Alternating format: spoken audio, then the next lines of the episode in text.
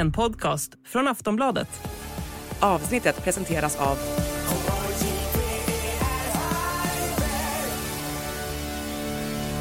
Stödlinjen.se, åldersgräns 18 år.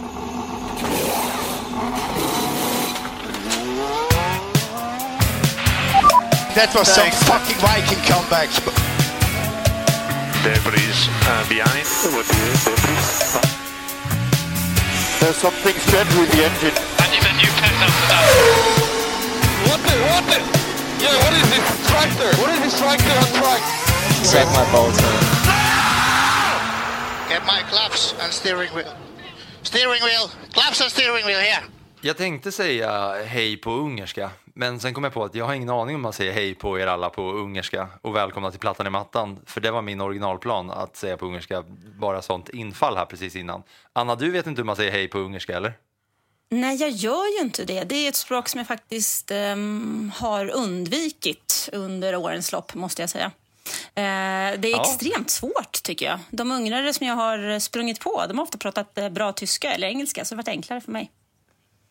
Ja, väldigt eget språk och eh, det enda som man känner kanske är besläktat med finskan ändå. Och anledningen till att jag eh, s- liksom slirar runt och kör vilse redan innan jag har sagt hej är ju för att jag precis har kommit tillbaks till hotellrummet på Barcelo hotell i Budapest efter att ha varit på eh, Hungaroring två dagar i rad och i morse sen 08.00 för att kolla på Dino Beganovic i F3 och sen på Formel, Formel 1-racet på plats. Och Anna, tanken var ju att du skulle vara här också, men du fick förhinder och då var vi tvungna att ta in eh, en reserv. Och då fick vi plocka med Sportbladets poddgeneral Julia Karlsson som eh, i vanliga fall gör Sportbladet Daily dag ut och dag in som ni många kanske har hört hennes röst där när hon programleder. Men nu har Julia fått vara med på F1 och se sitt första Formel 1-lopp. Inte bara liksom första Formel 1-loppet live utan sitt för, första Formel 1-lopp alla kategorier någonsin. Nej, jag har ju sett det någon gång på liksom en så här, eh, ja men, ja, haft det på i bakgrunden någon gång. Men eh, ja, för att följa från början till slut, kval, allting, jajamän. Haft det Du har på i suttit i gassande bakgrunden. solsken och Haft det på i bakgrunden. Anna är vansinnig. Hon kan inte förstå här nu att du inte på vägen tillbaka har hunnit kolla på alla racen 1990 för att det är så fantastiskt. Eller hur, Anna? Jag blir alldeles sådär... Jag har ju ändå suttit en timme och pratat med Michael Schumacher med, med Julia och så säger hon att hon har haft ett Formel 1-rupp på i bakgrunden. Ja, ja, vi går vidare till loppet. Kul att vara med i podden Ja, det ju det känns inte alls som jag har liksom gjort ett jättebra intryck här direkt. Jo, det är precis, det är precis så, det- så det ska vara. För, för att alla som bara lyssnar ska förstå. Julia har faktiskt sett på Drive to Survive och det är ju kroken in för de flesta som lyssnar på den här podden. Så du är inte ensam. Det är inte alla som lyssnar på den här podden som har sett varenda Formel 1-lopp sedan 1996 då Anna började kolla Formel 1. Tidigare, va? Känns betryggande. Ja, jag har väl såg väl ett par lopp även innan dess, eh, måste jag erkänna. Ja, men Julia, nu är du tillbaka här och det är liksom superfärskt tillbaka från en, inte bara en hel dag, två heldagar på Hungaroring. Mäktig bana. Det har varit otroligt måste säga. Det är min första. Det har varit så jävla roligt. Och det har varit, eh, ja, verkligen svinkul. Nu blir man ju hooked. Från och med nu kommer jag kolla på alla lopp, säger jag. Ja, vi, det har liksom blivit lite Formel 1-lektioner under tiden. Du har varit jävligt snabb på att snappa upp exakt hur saker och ting går till. Vi hade bra platser. Eh, så att vi kunde hänga med liksom, på vad som hände under tiden och sådär. Men du har liksom fått hela upplevelsen att eh, ta dig ut snabbt på plats, vara ute, se alla liksom hundratusentals människor. Jag har inte fått någon siffra än på hur många det var. Vet du Anna hur många hundratusen? Det vet jag. 303 000 människor under fredag, lördag, söndag. Jävlar. Och då är det ju alltså garanterat 100 000 plus idag för att det var jättemycket mer folk idag än bara under kvalet igår där det också var jättemycket folk på plats här nere. Mm. Men den, den, den officiella publiksiffran eh, som jag såg svischa förbi var 303 000 människor. Och det har ju varit alltså hela årets säsong. Jag vet att ni är många som, som är med i liven så jag tycker att ja, men vi vet ju från början att Max vinner och intresset, ja, mm, aha, så vi, vi får väl se. Men intresset på plats har i år slagit eh, oerhörda rekord och svallvågor får man väl säga, för det är ett jätteintresse överallt. Och det är inte bara då under de här sprinthelgerna när det har varit eh, liksom, ännu mer action på banan under både fredag, lördag, söndag utan även då en vanlig helg som detta så är det ju ett... Eh, ja, det är mycket folk som reser också och som kommer dit. Så att, ja, ett par hundratusen per helg sådär. Mm, och det har du fått uppleva. Och jag, jag tänker, vi, eh, vi ska ju såklart eh, ta oss in på allt som har hänt under helgen. För det finns mycket som man vill, eh, vill snacka om efter den här helgen. Det har varit ett händelserikt, en händelserik Formel 1-helg. Men jag tänker som start på det här, i vanliga fall så brukar ju vi göra en liten snabb genomgång där vi går igenom helgen. Så jag tänker att Julia, du på uppstuds ska liksom få berätta om eh, liksom en genomgång här rent sportsligt vad som hände lördag, söndag. Eh, du sitter och skrattar här Julia och jag tänker att det kan vara kul. Vi kanske kan guida dig vidare om du, eh, om, om du snubblar lite på vägen. Ja, jag ber om ursäkt i förväg innan jag börjar med det här redan. Men okej, ska jag bara köra igång då eller? Ja, du är välkommen. Ja, okej. Helgens stora höjdpunkt, som jag kanske tyckte var roligast, var ju kvalet på lördagen. Det började, jag fattade inte riktigt vad som hände, men det var jävligt kul.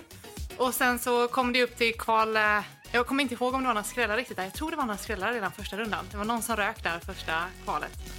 Eh, och sen så andra rundan och sen tredje rundan var ju det roligaste för då var det ju allt, liksom, allt eller inget kändes det som. Ja, men vi ska, vi ska bara stanna första rundan då för att liksom hjälpa dig på traven. Det var ju George Russell som rök på en gång och det var ju, det kände du till och med också, att det var en stor skräll att, ingen, att en Mercedes-bil åkte ut direkt. Ja, ja. Det, det hängde man med på snabbt så att säga. Ja, sen så kval, alltså själva kvalet, det enda jag tar med mig var ju att det var eh, sjukt kul att Hamilton vann. Jag hoppades ju på Norris där, det var väldigt spännande.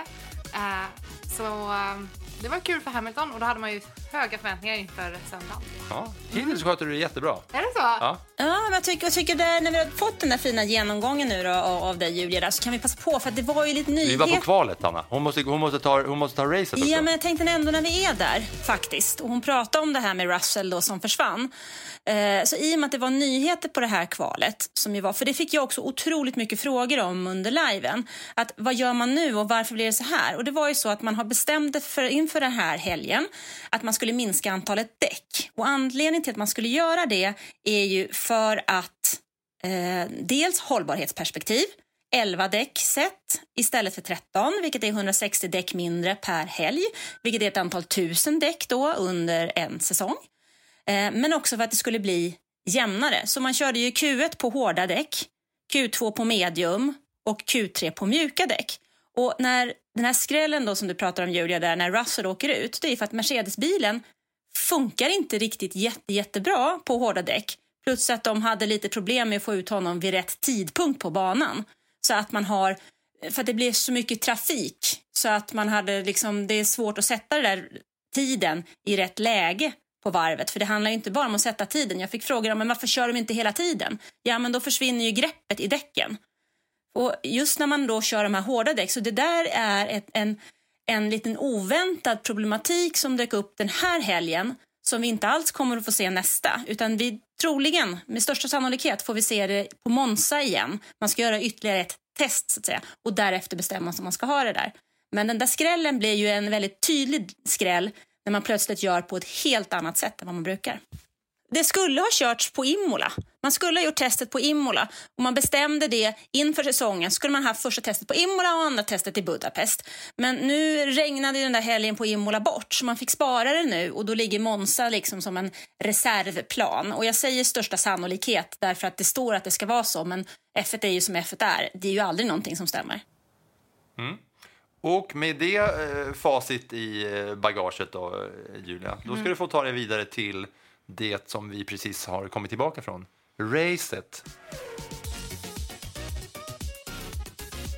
Vill du berätta vart du satt och såna här grejer också? Ja, men precis innan kurvan på själva startsträckan, eller vad säger man? Sista kurvan. Sista kurvan blir det då. Och eh, mål, eh, mållinjen är väldigt tidigt på start och målrakan eh, Mm. i Ungern. Så vi hade precis framför oss hade vi hela startgriden. Och det var ju, jag vet inte, jag tyckte det var väldigt tydligt att det är Verstappen som är den stora favoriten hos publiken, i alla fall den här helgen kändes det som. Det var eh, holländare i varje hörn, Ja. överallt. Nederländare också. Nederländare, ja. Ja, nej men eh, racet körde igång. Det var ju ett eh, himla hallå innan. Otrolig stämning. Och sen så förhoppningarna höga på Hamilton och sen så körde, vad, vad säger man, tog Verstappen ledningen i första kurvan och så var det över. Och då var, det, då, var det, då var det liksom besviken och klar för att du hade hoppats på att eh, Hamilton Ja. skulle hålla sig där. Jag hade hoppats på att någon annan än Verstappen skulle vinna. Liksom. Det var det jag gick in med i morse. Eh, ja, och sen så var det knappt mer än så. Alpinbilarna körde, åkte ur direkt. Ja, det är uppmärksammat. Ja, Sainz tog sig upp. Känner du också exakt att det var exakt bara det som hände, Anna? Att vi är klara där? Jag känner väl att det där, det där jag känner väl att det där var en väldigt snabb genomgång men jag vet att när jag, när jag skrev i första kurvan när, när förstappen går upp i ledningen. Alltså, det, här, det här är ju... Eh, Hungaro Ring har ju en, en, eh, en tradition av att om man startar från startposition två så kommer man rätt bra in läge till första kurvan. Det är ju inte Verstappen den enda. Så att det kändes ju lite, in, lite inför som att han hade ju faktiskt ett rätt bra läge där. Och när eh, Mr Hamilton då sitter nästan och sover. Han snarkar ju inte lika högt som Joe som startar från position 6. För han var ju han låg ju i djupsömn när starten gick. Eh, men han satt ändå och sov och tappade ett antal positioner där redan i inledningen. Ja, men då så vet jag att jag skrev i liven att ja, nu tar Verstappen ledningen och eh, segern. För han gled ju bara ifrån. Han är ju så pass överlägsen i den bilen. Och det är någonstans lite lustigt också. Därför att han kör exakt samma material som Sergio Perez. Men han kör ändå i en helt annan värld. Inte ens Perez som kör samma bil är lika bra.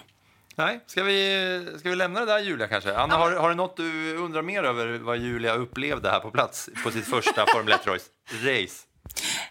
Ja, men jag skulle, ja, det jag undrar lite grann är ljudet. Julia, Tyck, hur upplevde du jag ljudet? tyckte inte det var så farligt faktiskt. Eh, det är mycket, man märker ju när man kommer hem att det har varit mycket ljud runt omkring en hela tiden. Men det var inte så, så farligt. Jag trodde det skulle vara värre. Jag trodde det skulle vara mer eh, Men oljud. Hur upplevde du att ljudet tog in kroppen? Eller kroppen tog in ljudet? Nej, men, eh, jag tänkte faktiskt inte på det. Jag tyckte att det var liksom rimligt. Äh, du, nu kan du få gå. Jag säger som Filip brukar säga i min podd, tack och förlåt.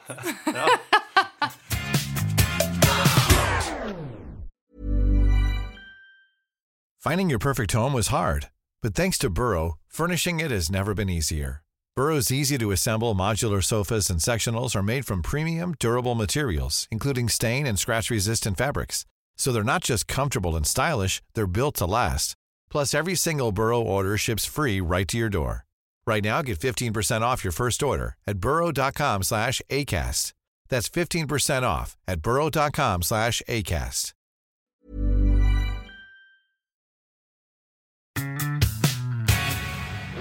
Tänkte jag vi ska lyssna på skillnaden på hur det låter. Här är Formel 3.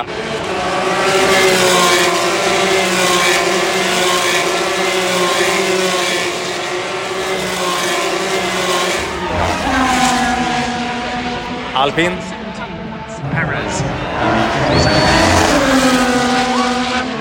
Verstappen.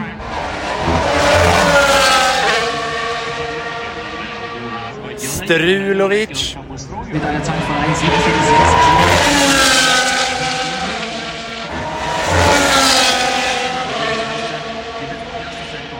Först Sainz, sen Norris.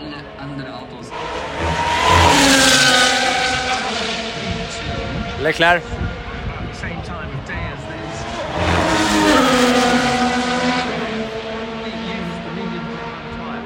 Det där var Ricciardo. Bottas.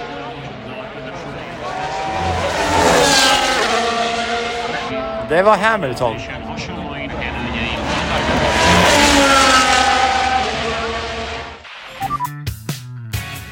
Och nu får du gå ut och uppleva Budapest lite grann för att den här helgen har ju i princip bestått enbart av att eh, vara på plats på banan.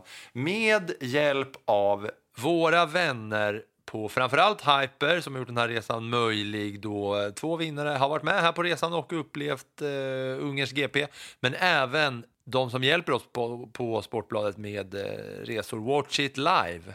Och en mycket fin man som heter Peter Birat som har rattat den här eh, resan. Vi är liksom inte ensamma här, jag och Julia. Det är, det är ett gäng eh, svenskar till som har varit med på, på den här vändan. De, de styr upp sådana här sportresor och har tagit hand om oss mycket väl med eh, transfer och resa och biljetter och visa plats här och där. Och de gör ju massa andra olika resor också som Sportbladet har eh, haft att göra med också. Eh, Premier League-resor och NHL-resor och så vidare. Det tyckte vi var eh, härligt. Och jag kan rekommendera alla som kan åka att eh, åka. Det var svinkul. Ja, Julia, eh, säg hej då till alla Ja. Formel 1-lyssnare nu. Hej då allihopa. Tack och förlåt. Ja, ni är på en riktig sån sällskapsresa alltså? Ja, ja, ja, man blir inslussad. Man, man kommer hit och sen är det här ska du bo, här ska du äta, här ska du åka ut till banan, här ska du gå tillbaks till bussen när, ban- när racet är klart. Fram, fram, bam, bam, bam, hit och dit och hit och dit. Mycket strukturerat och, och uppstyrt. Sen är det ju såklart fri lek när man väl är där inne för att man är ju liksom, ja, i och med att jag var där och kollade på F3 och snackade med Dino Boganovic som ni ska få höra på i slutet av den här podden så var jag där från 08 till, ja, racet var slut 17.00, F1-racet. Så det har ju varit en hel dag på eh, Hungaroring. Härligt, härligt. Okej Anna, då är vi ensamma med lyssnarna. Julia har dragit. Nu kan vi säga vad vi vill. Så bra då. Ja, men jag tyckte ändå... Eh, hon lärde, sig, hon lärde sig bra där på läktaren. Vi var, det var ju ett gäng Formel 1-nördar som var med, så hon kunde fråga loss eh, Julia ändå. Och det fanns ju en hel del att liksom berätta om. Det var spännande när jag försökte lära henne om DRS och bara peka på, liksom, för vi satt precis vid eh, DRS-zonen på start och målrakan. Berätta hur det funkar och pekade på vilken bil hur, som hon skulle titta på hur, när, när vingen öppnades. Det var svårt att se först, men när hon fattade och tyckte det var skitcoolt så pe, petade hon på mig varje gång. Hon petade och hon sa att ja, där är DRS, det ser jag, jag ser det, jag ser det. Sen fick vi uppleva lite runt om där också. Jag, eh, I och med att vi hade så mycket tid som jag sa, så, eh, så fanns det lite där i fanzone som jag inte kunde göra i Barcelona för att ingenting funkade i Barcelona förra året. Det här var en alltså, 10 000 gånger bättre upplevelse att vara, vara i Ungern än på liksom, kaoset till logistik i Barcelona förra året när jag liksom berättade att det var så jävla coolt att se bilarna första gången, liksom första upplevelsen när man är live på plats. Men, men sen var det inte kanonkul. Men här var det liksom, här funkade allting. Man kunde gå och köpa en öl om man ville, man kunde gå och hämta vatten, man kunde gå på toa, man kunde sätta sig och äta mat på ett ställe. Man kunde liksom gå mellan, mellan platser och göra saker.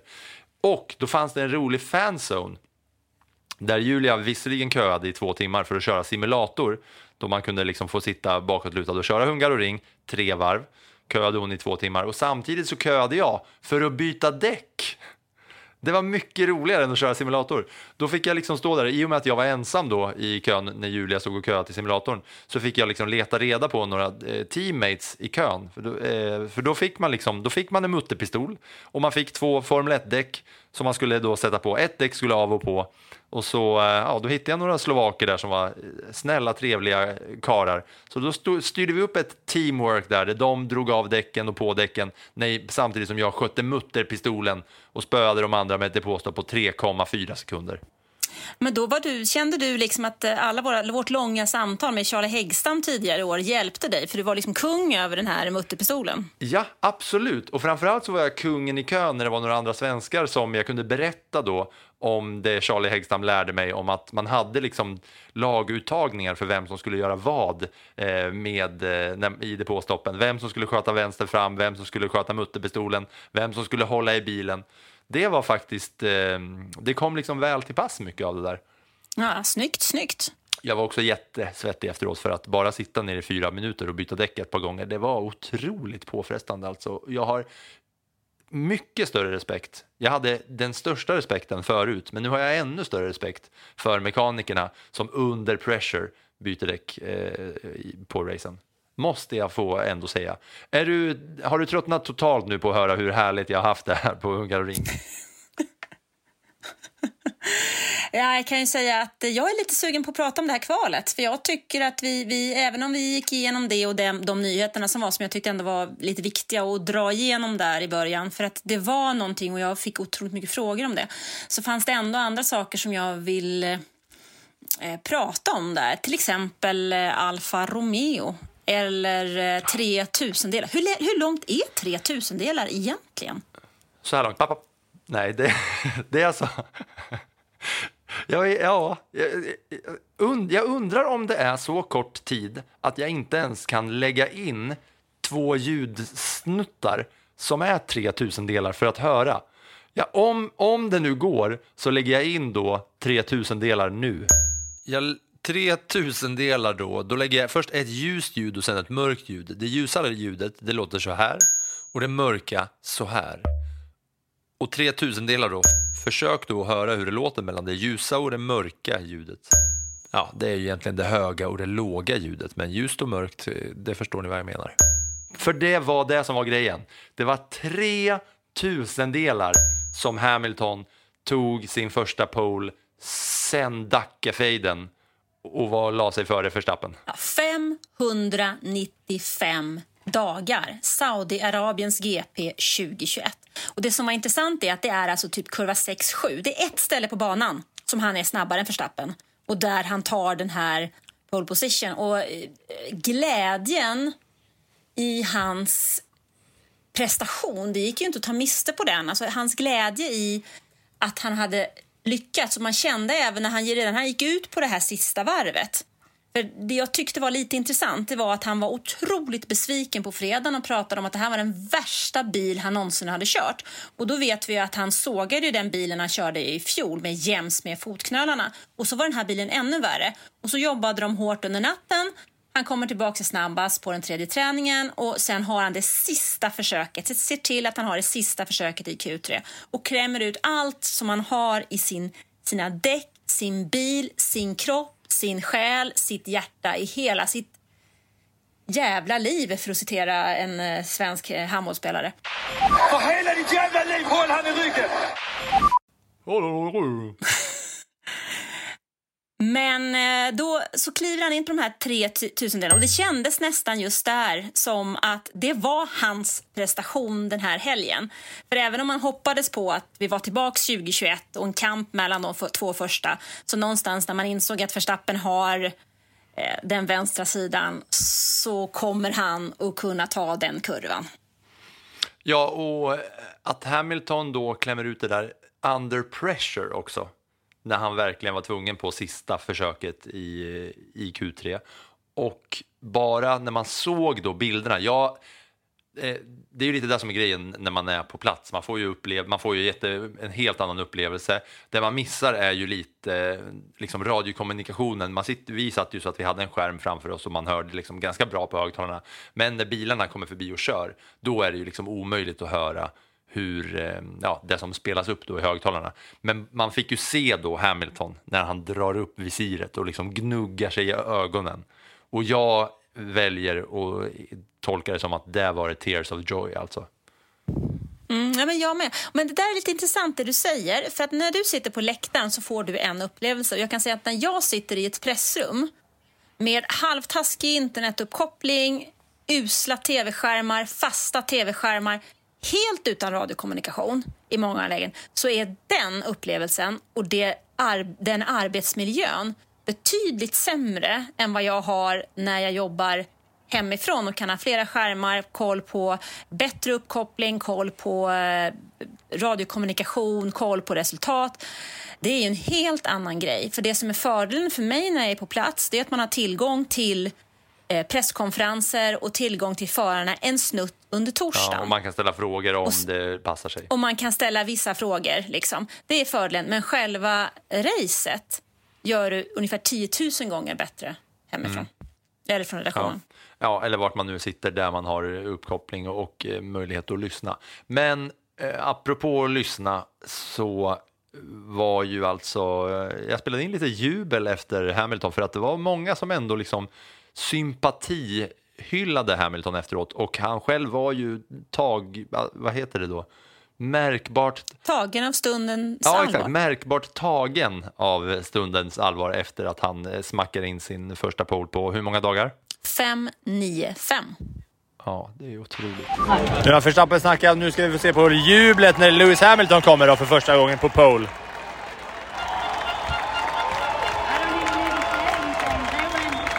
Times this mad when you took the pole. You sounded like you were out of breath. Was that out of breath or was that just super excited? Um, I think both. um, it's been a crazy year and a half, so I've lost my voice from shouting so much in the car. it's amazing that feeling. Um, I'm so feel so grateful to be up here because the team have worked so hard. We've been pu- pushing so hard over this time to finally get a pole. It just feels like the first time. So, um, and a big, big thanks to the crowd here. We have such an amazing crowd every year here in Budapest. Wow. I I, was really not. It I didn't expect coming today that we'd be fighting for pole. So when I went into that last round, I gave it absolutely everything. I was, there was nothing left in it. I feel like I can hear the emotion in your voice, and I'm curious for you to explain what that journey's been like to get back to the top again. Oh, it's been massively challenging for every single person in the team. You know, there's been ups and downs. It's a big, big roller coaster ride, but none of us have lost faith. We've all just held together, you know, united together. We're focusing on trying to steer the car into the direction. Trying, you know, today we were losing so much in terms att det var liksom, han var nära till tårar under hjälmen i alla fall och sen som det super mega proffset han är så, så liksom hämtade han sig lite. Men det betydde en hel del för honom att eh, vara tillbaka på topp. Verkligen. Um, sen vill man ju också från det kvalet ta med sig att uh, McLaren återigen gör ett bra kval på en helt annan typ av bana. Vi kan gå tillbaka till Silverstone när de talar om att nej, men i, i Budapest, en helt annan typ av bana, mycket med downforce, långsamma kurvor. Vi kommer inte ha någonting med någonting att göra. Nu har, kom den här första uppdateringen för Lando Norris i Österrike. Sen körde de på Silverstone. Sen körde vi här i Budapest. Han har nu tagit två stycken andra platser i rad. Ja, Så och en Piastri eh, han körde- bakom. Ja, och han körde dessutom bra i Österrike där han väl var fyra om jag inte minns helt fel. Så att nu kan vi inte säga att den uppdateringen var en endagsslända eh, i alla fall. Nej, nu kan man börja räkna med de orangea gossarna rätt rejält framöver, eh, skulle jag tro. För att ju mer de då kör in den där bilen, desto mer kan de då skruva på eh, de små grejerna efter att den stora uppdateringen har kommit. Och både liksom i kvalet och i racet så har de ju något att säga till om. De har ju liksom rört om i grytan, tack och lov, McLaren. Det känns som att det liksom har blivit reborn den här F1-säsongen efter att McLarens uppdateringar kom på något sätt. Ja, det är intressant att den kommer så sent under säsongen och så rätt under säsongen. Eh, Men det kanske vi ska prata lite mer om egentligen när vi eh, är inne på racet sen. För nu är vi väl fortfarande kvar i kvalet. Ja, exakt. Eller? det är ju några grejer till som är jätteroliga med det här kvalet. Och framförallt så är det ju vår kinesiska vän Jian Yuzhou som smackar in en femteplats från ingen jävla stans. När man sitter där och häpnas över att McLaren är så eh, bra och, och har farten igång samtidigt som man ser att Hamilton kan utmana Verstappen. Sen när jag slängde liksom ett öga på eh, ledartavlan efter att bara haft fokus på liksom topp 1, 2, 3. Sen bara, va, va, Alfa Romeo, va, va, va, vad fan, vad har hänt? Vad har jag, hur har jag missat det här? Ja, nej, men det, jag måste jag, tyckte, jag tyckte, faktiskt att, att ehm, eh, alltså Alfa Romeo, både Bottas och eh, Joe är ju en härlig... Alltså där, där, alltså, hela det här formatet tycker jag var positivt. För att i och med att de tvingas att köra på alla däcktyperna så ställer det till det lite för toppteamen. Och jag tror att för Hamiltons del var egentligen det tuffaste Q1 där Russell åker ur för att Mercedes klantar till och släpper ut honom vid fel tillfälle. Det blir eh, eh, köbildning och han börjar prata om gentleman agreement. Men då undrar man ju hur länge han eh, har varit med i F1. För att även om det heter att det finns en gentleman agreement och han är britt så kommer det ju aldrig att vara en gentleman agreement utan det handlar ju om att äta eller bli uppäten liksom. Ehm, men jag tyckte det här, hela det här systemet gav oss ändå någonting spännande. Jag menar, vi fick se Daniel Ricciardo i Q2 i sitt första kval också. Så att, eh, jag tycker vi fick med oss mycket positivt från det kvalet. Jag vet att många förare gnäller och jag vet att de inte alls tyckte det var bra. Och, nej, men å andra sidan, när är det någon gång så att de har tyckt att en förändring har varit bra? Jag, älskar, jag Aldrig. älskade det. Ja, ni har hört mig, nu har ni hört mig sitta och klaga här med min ändå relativt liksom eh, korta eh, i modern tid Formel 1 eh, erfarenhet som eh, superfan och eh, följare av sporten. Men här, här var det, jag tycker det är bullseye här alltså. Ja, nej, jag gillade det också. Sen är det ju alltid så att det kommer komma ett läge när teamen har vant sig och kommit in och, och löst knuten på det. Um, och då hamnar vi säkert i ett liknande läge kanske som innan, för det kan mycket väl vara så. Det är ju alltid så. Händer något nytt så måste man ställa in sig. När man har ställt in sig så löser man det. Men eh, vägen dit kan väl i alla fall vara bra. Ja, Nej, men det som var med det här kvalet var ju att eh, det stora var ju Hamilton på pole för första gången på hur många dagar? 595. Och så var det Norris eh, som var, eh, Verstappen var ju tvåa då alltså, 0, 0, 0,003 sekunder bakom Hamilton och sen var Norris 0,082 sekunder bakom Verstappen. Och det var ju den stora, att det var så himla snustajt där längst fram. För man trodde att Norris skulle eh, ta det där när han kom mot mållinjen och sen att Hamilton smackade in det sista av alla. Eh, och så var det ju Joe och Russell ut där. P eh, Perez har vi inte ens sagt att det första som hände den här helgen när man då visste att så här, ja, nu har Perez alla ögon på sig för att nu är det dags att prestera och sen det första han gör i första fria träningen är att han sladdar iväg och kraschar direkt det första som händer. Och så får de lyfta upp den där Red Bull-bilen igen så nya fotografer kan ta nya bilder på det där Red Bull-golvet. Det var ju inte en kanonstart för honom. Det var inte en kanonstart för honom. Och, eh, om vi nu går mot racet då så måste jag säga att den här pallplatsen som Sergio Perez tar den var ju mer än nödvändig. För att jag, jag vet, vi har fått enormt mycket kritik för att vi förra veckan var alldeles för hårda mot Sergio Perez. Eh, men jag tror inte att vi är i närheten av så hårda som var en sån som Helmut Marko är. Det faktum är ju att det tog, eh, Daniel Ricciardo behövde sju varv på sig innan Helmut Marko plockade upp eh, telefonen. Och när det hade gått elva varv på det här däcktestet på Silverstone, ett däcktest, 11 varv, då ringer han Nick de Vries och säger tack och hej. Så att ehm, um, hur, så som de cheferna tänker, alltså där, det handlar enbart om prestation för Red Bull. Och nu får de en möjlighet att ge Daniel Ricciardo ett halv, en halv säsong så se vad han, vad han kan bidra med. För att det, det är bara att titta. Alltså Brandon Hartley, eh, Daniel Kviat, Alexandra Albon, Pierre Gasly och nu eh, Nick de Vries. Alltså förare där, de är inte lojala utan de vill ha prestation och resultat. Och grejen är ju att i år funkar det ju om Sergio Perez sladdar lite i förhållande till Max Verstappen. Men ju längre man kör med ett nytt reglemente, ett regelverk, så kommer de andra att komma närmare. Och det finns ju begränsningar som gör att man efter en... 30 i sjätte tittar man på hur ser VM-tabellen ut. Jo, och då får de som ligger i toppen mindre tid till sina aerotester och sina datortester. Samma sak gör man efter en säsong.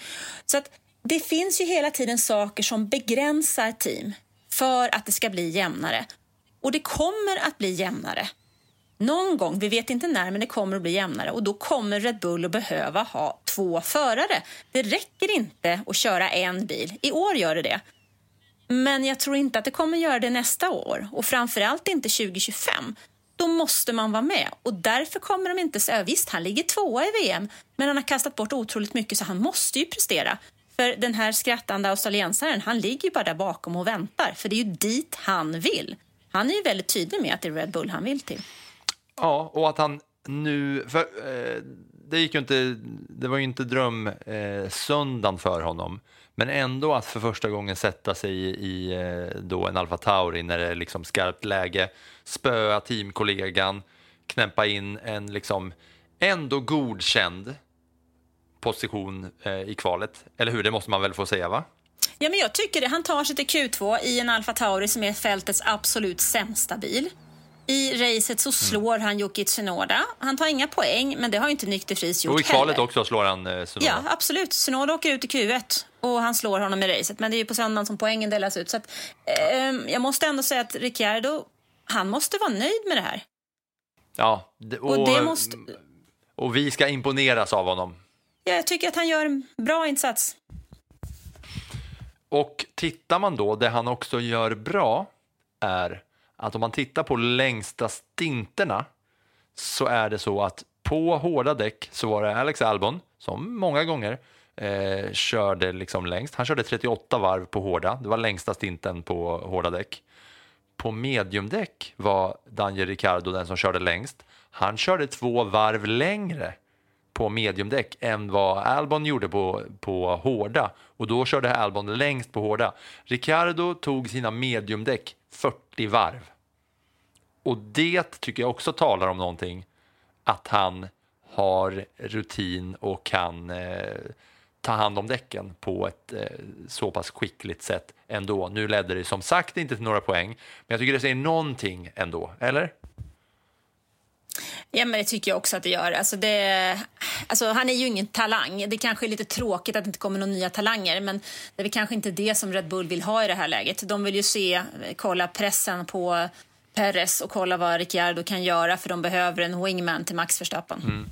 Annars var det inte många som körde på mjuka däck. Den som körde längst på mjuka däck var Sainz som körde 15 varv på mjuka. Och det var ju han startade på nya mjuka. Det var han och Tsunoda, Stroll. Var det någon mer? Ja, kanske var de. Ja, Gasly startade på mjuka, men han kom inte särskilt långt. De kom inte långt alls, alpin. Och det fick jag höra, för vet du vad jag hade på mitt huvud? Ja, men såklart du hade din eh, alpin-keps. Jag skrev faktiskt till och med det i eh, eh, liven att nu får Filip plocka av sig den där. Ja. Alltså. Två fransmän i ett team, det håller ju inte ens i två kurvor. Och det var ju alltså då eh, så typiskt att det blev för båda bilarna där. Men jag, jag, fick höra, jag fick en del hån efter att det där hände. För folk tror ju att bara för att man har något, liksom, något slags merge på sig av något stall, att man är liksom die hard fan. Jag tyckte, jag, jag, jag jag tyckte den här kepsen var fin, det var fina färger och det var liksom inte en, ett bilmärke som var längst ut. Jag, jag, jag gillar den objektivt utan, uh, liksom om man plockar bort F1-teamet. Men den har ju ändå gjort någonting och jag vill, uh, jag vill shouta out en av våra följare på TikTok som la märke till att jag en gång, jag, jag gör ju, vi gör ju massa grejer på TikTok och Instagram också på Sportbladet och då brukar jag stå i rutan och babbla på om vad det nu kan vara som har hänt när, som jag berättar. Och då under ett klipp på TikTok så hade jag alpinhatten på mig och då var det en läsare som, som eh, eller läsare och lyssnare och följare som då uppmärksammade att jag hade alpinhatten på för han skrev den, den omtalade alpinkepsen som skulle kunna fått ett mörkare öde eller något sånt. Så där var det härligt att vi har en eh, Plattan i mattan-följare som tydligen har hängt med hela vägen. Shout out till denne.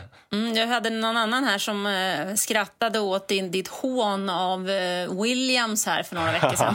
Det har jag med gjort, och med all rätt. Och, och det som jag också då har för att liksom krypa till korset så mycket det bara går, så har jag plockat in både Alex Albon och eh, Logan Sargent till mitt eh, manager-team. Så nu har jag eh, Albon, Sargent, Piastri och Lando Norris i, eh, i teamet faktiskt. Mm. Snyggt där. Men du, om vi nu är inne på det här racet då, som egentligen faktiskt tar slut i kurva 1. Alltså vi, vi, Verstappen drar ifrån, han vinner med 30 sekunder. Sen är det ju spännande bakom. Alltså, eh, Hamilton gör en dålig start, han tappar också... Han tappar mycket, ja. Ja, han, tappar, han tappar flera placeringar i starten, men sen tappar han också väldigt mycket tid. Jag tror nio sekunder efter sitt första depåstopp.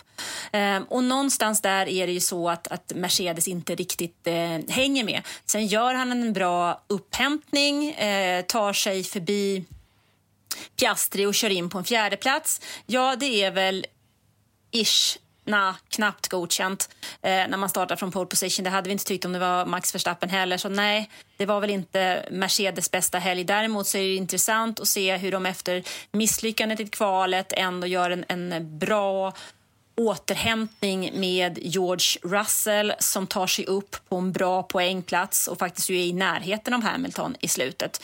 Det positiva annars tycker jag väl ändå är Sergio Perez som kör upp sig från eh, position 9 till en pallplats. Sen sliter han ovanligtvis lite hårt på däcken i fighten med Lando Norris men det syntes ju också tydligt efteråt hur nöjd han var över att få ta den pallplatsen och hur mycket han behövde den. Men veckans bästa annars är väl hur Lando Norris smäller champagneflaskan i prispallen och krossar Max Verstappens eh, pokal. Som Ja. ungefär som för att visa att eh, du grabben, eh, jag kommer. Wa- Watch your back.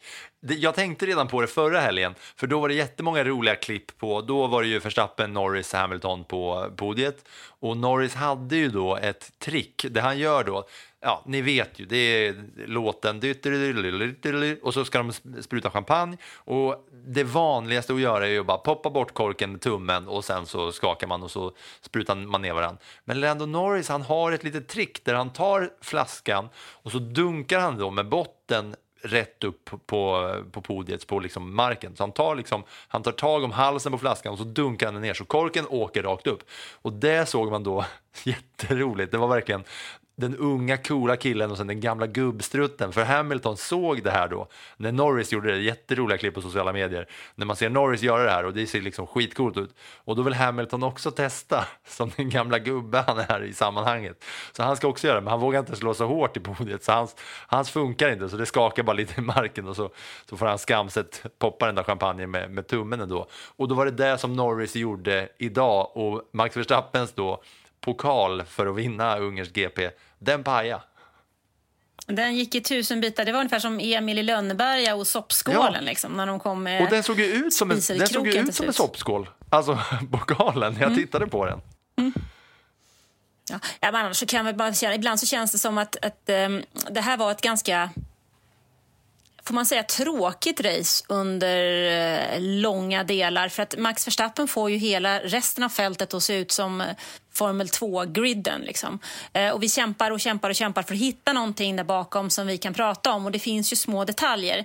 Men någonstans så önskar jag ibland att han inte var med så vi kunde ha fått en bättre fight eh, att prata om. För just nu sitter vi alltid och pratar om position 2 och position 3 och Ferraris eh, ja, fin fem fel. Idag var det ju både Leclercs miss i depån, fighten, eh, den verbala fighten mellan Sainz och Leclerc som inte kommer överens om vilken strategi som ska gälla och hur de ska köra bäst för teamet samt Leclercs första depåstopp som tog typ en evighet, 28 sekunder eller någonting kändes det som. Eh, så det är ju bort sig igen. Och så alltså. spe- speeding i, i the pit lane på Leclerc åter igen. Jag vet inte om det är han som har gjort det många gånger, men det känns som att det är liksom, inte återigen då kanske, men ännu ett till liksom klanteri från Ferrari.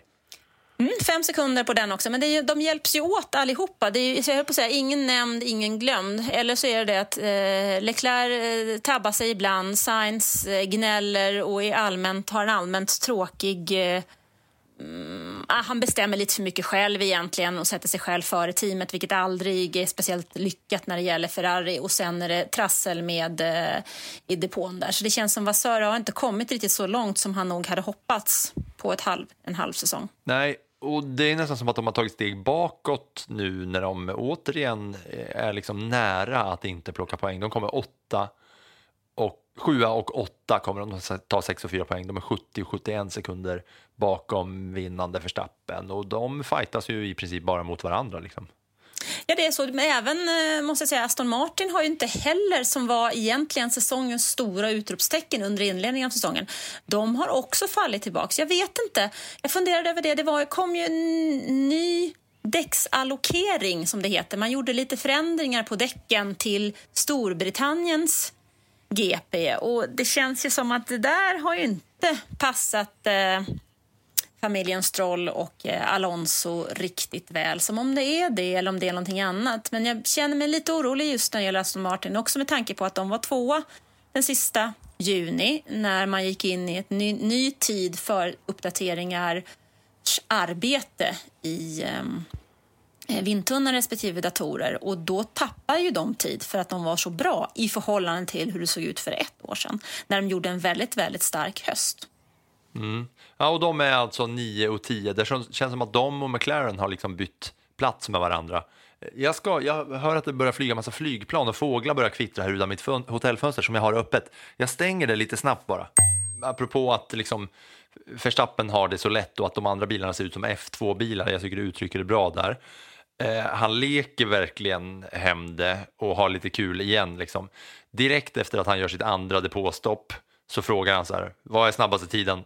Och sen direkt efter så sätter han en snabbare, snabbare tid och tar snabbaste varv och sen så svarar då Race Engineer direkt och bara okej, okay, drive it home now. Direkt efter, så han gör liksom på kul kan man säga. Ja, men det känns ju som att alltså, det här loppet var klart i första kurvan. Lite så som Julia sa. Hon sammanfattar rätt bra där egentligen.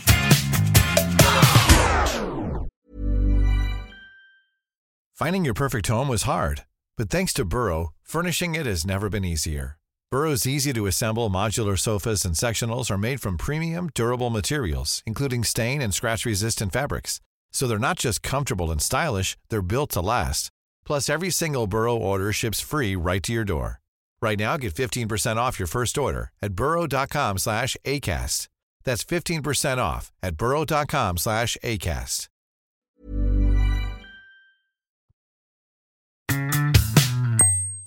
Då tar vi bara poängfördelningen här. Förstappen 1, Norris 2, Perez 3, Hamilton 4, Oscar Piastri 5.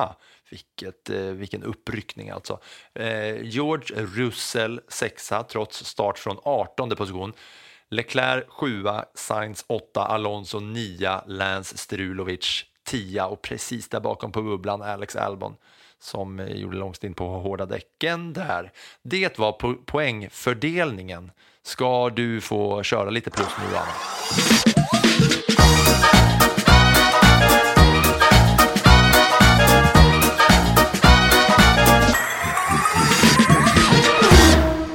Ja, men gör jag. Vi kan väl börja med motorstoppet och det måste jag ändå leverera till alpin där i veckan.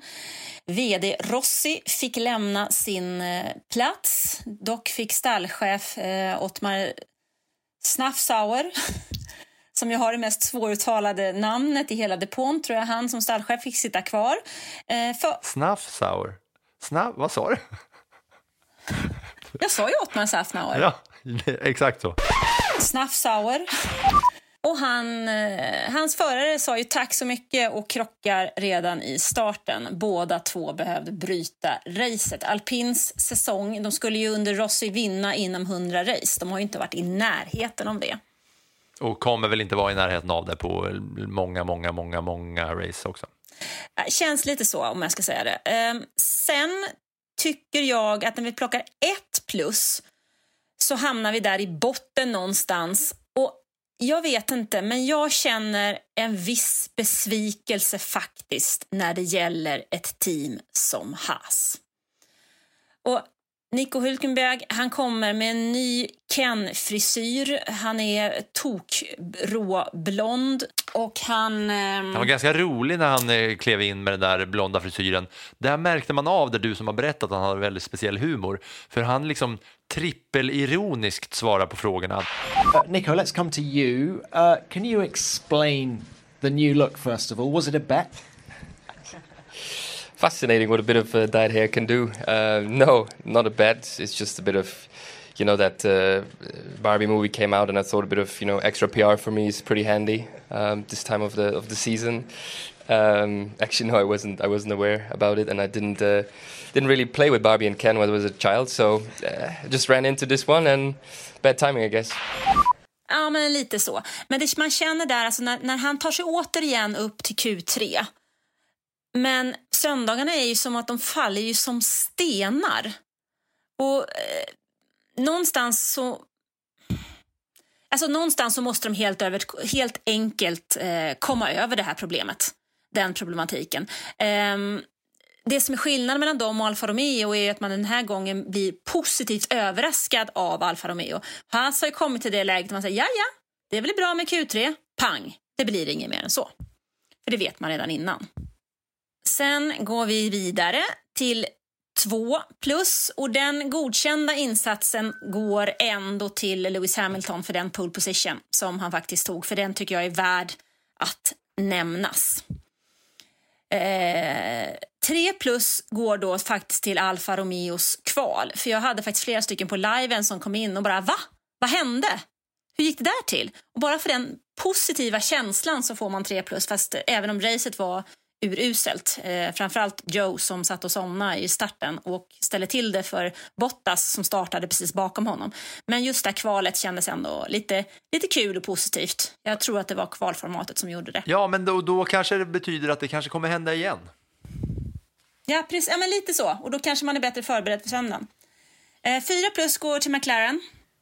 Lando Norris tvåa för andra racet i rad. Oscar Piastri också med där uppe.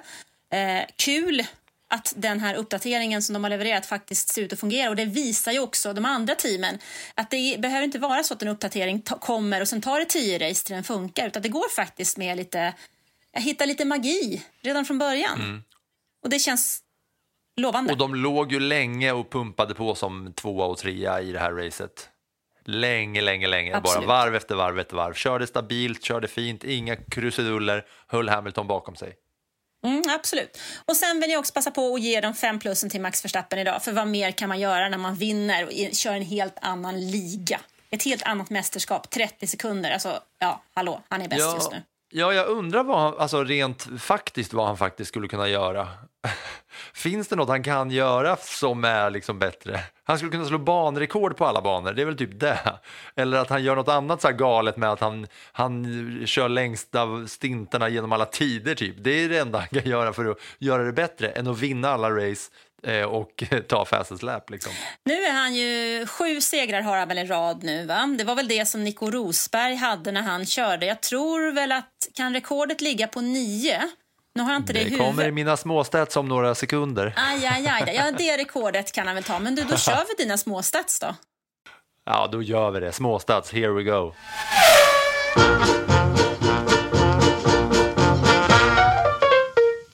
Småstatsen är ju där alltså. Han är nu delad tvåa genom tiderna. Han delar med Schumi, Alberto Ascari, eh, Nico Rosberg på sju. Alla de har, har eh, eh, så många segrar i rad. De är delade tvåa. Och eh, Vettel är etta med nio raka segrar. Belgien till Brasilien 2013. Och Det var samma år han tog sin sista VM-titel då. så var det. Och sen är det så att det här är det tajtaste kvalet genom tiderna delat på tusendelen med Brasilien 2003. Det är alltså 0,577 sekunder, det är alltså 5, det här blottar återigen mina liksom mattekunskaper. F- 0,57, 58 sekunder. 0,577. Vad blir det, Anna? Det är 0,58 sekunder, skulle jag säga. Ja, det är alltså 0,577 mellan ettan och tian i det här kvalet. Och det är precis samma marginal som det var 2003 i Brasilien. Det tajtaste kvalet genom alla tider. Och sen vill jag bjuda på en extra liten annorlunda småstat. För efter eh, Formel 3-racet så eh, fick jag eh, möjligheten att gå ner och snacka med Dino Beganovic, som vi ska lyssna på om en stund, om eh, hur hans race var. Han kom ju tvåa här i Ungern på eh, F3-racet. Och då när jag ändå hade det där passet som gjorde att jag kunde få knalla omkring lite som jag ville där i F3-paddocken och lite på parkeringen så tog jag mig en promenad upp till F1-depån dit alla liksom fina bilar stod parkerade. Och då sprang jag förbi skyltarna där teamcheferna stod parkerade. Och då la jag märke till vilka bilar de körde där alltså vilka bilar som de här teamcheferna eh, parkerade sina bilar på. Och eh, först och främst Vassör och Toto Wolf och Christian Horner, de hade inte dykt upp tyvärr, så de, eh, de har jag ingen info på, men vi kan väl gissa på att eh, att eh, Toto Wolf i alla fall körde Mercedes och Vassör körde Ferrari. Det kan vi väl slå fast va? Jag hade blivit, jag hade blivit förvånad om det var tvärtom. Ja, det hade varit roligt dock. Eh, men det jag ser då är att eh, ja, men, eh, Alfa Romeo, teamchefen kör Alfa Romeo. Micke Krack kör Aston Martin såklart, en gul snygg eh, eh Aston Martin. Sen kör Günther Steiner, han kör en Volvo XC90 som var- såg lite sliten ut. Det tyckte jag var kul. Och framförallt, det roligaste av alla, det är Frans Tosten som kör en eh, gammal Volkswagen Passat. Det kändes också oväntat för en då eh, liksom teamchef, Alfa Tauris teamchef. Och sen James Vowell körde, eh, körde BMW. Det var min sista lilla småstat som eh, jag bjuder på här. Eh, och nu går vi vidare till vad eh, vi ska blicka fram mot eller svenskoll. Du väljer Anna. Jag tänkte att vi kanske ska ta vad vi ska blicka fram emot först och sen så låter vi Dino klinga ut det här eh, avsnittet. Va? För jag tänker att du har pratat ganska länge med honom. Så att om vi tittar framåt nu då så väntar faktiskt återigen en sprinthelg. Och den här gången så är det på Spa i Belgien. Vilket då betyder att det är en bana som är över sju kilometer lång. Och jag är faktiskt lite eh, spänd på att få se hur den klassiska banan beter sig under en sprinthelg. Vi kommer alltså ha kval på fredag klockan 17.00, sprint shootout lördag 12, sprint lördag 16.30 och GP-loppet söndag 15.00. Ja, det är tider att hålla koll på alltså. I, i Ja, fotbolls-VM-tider när man som då Sportbladet medarbetare som jobbar med alla sporter måste tvingas vända på dygnet för att leva australiensisk och nyzeeländsk tid. Men samtidigt kolla på F1 eh, på fredagskvällen då, vad det blir för mig. Ja, men jag kommer att uppdatera alla tider i bloggen under veckan och sen kör vi självklart live både under fredag, lördag, söndag, alla kval och eh, race-sessioner såklart. Men det man kan ha med sig från Belgien annars då, det är en bana som varit med hade var med första gången 1950. Då vann Juan Manuel Fangio i en Alfa Romeo. Vi hade Sainz i pole position för ett år sedan före Perez och Alonso. Men Verstappen vann före Perez, alltså en dubbelseger för Red Bull innan vi hade Sainz trea och Russell fyra.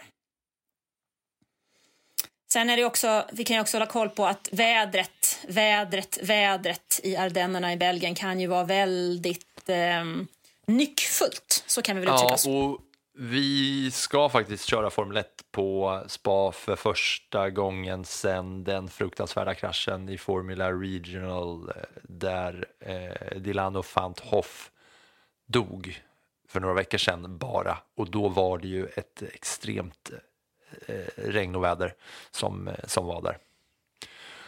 Eh, så, så det ska man väl ha med i baktanken också, att ganska nyligen så var det ett dödsfall på den här banan och nu ska det eh, sprinta, sprintas, sprintkvalas och kvalas och racas med eh, de snabbaste bilarna. Det kanske eh, märks på något eh, slags sätt. Va?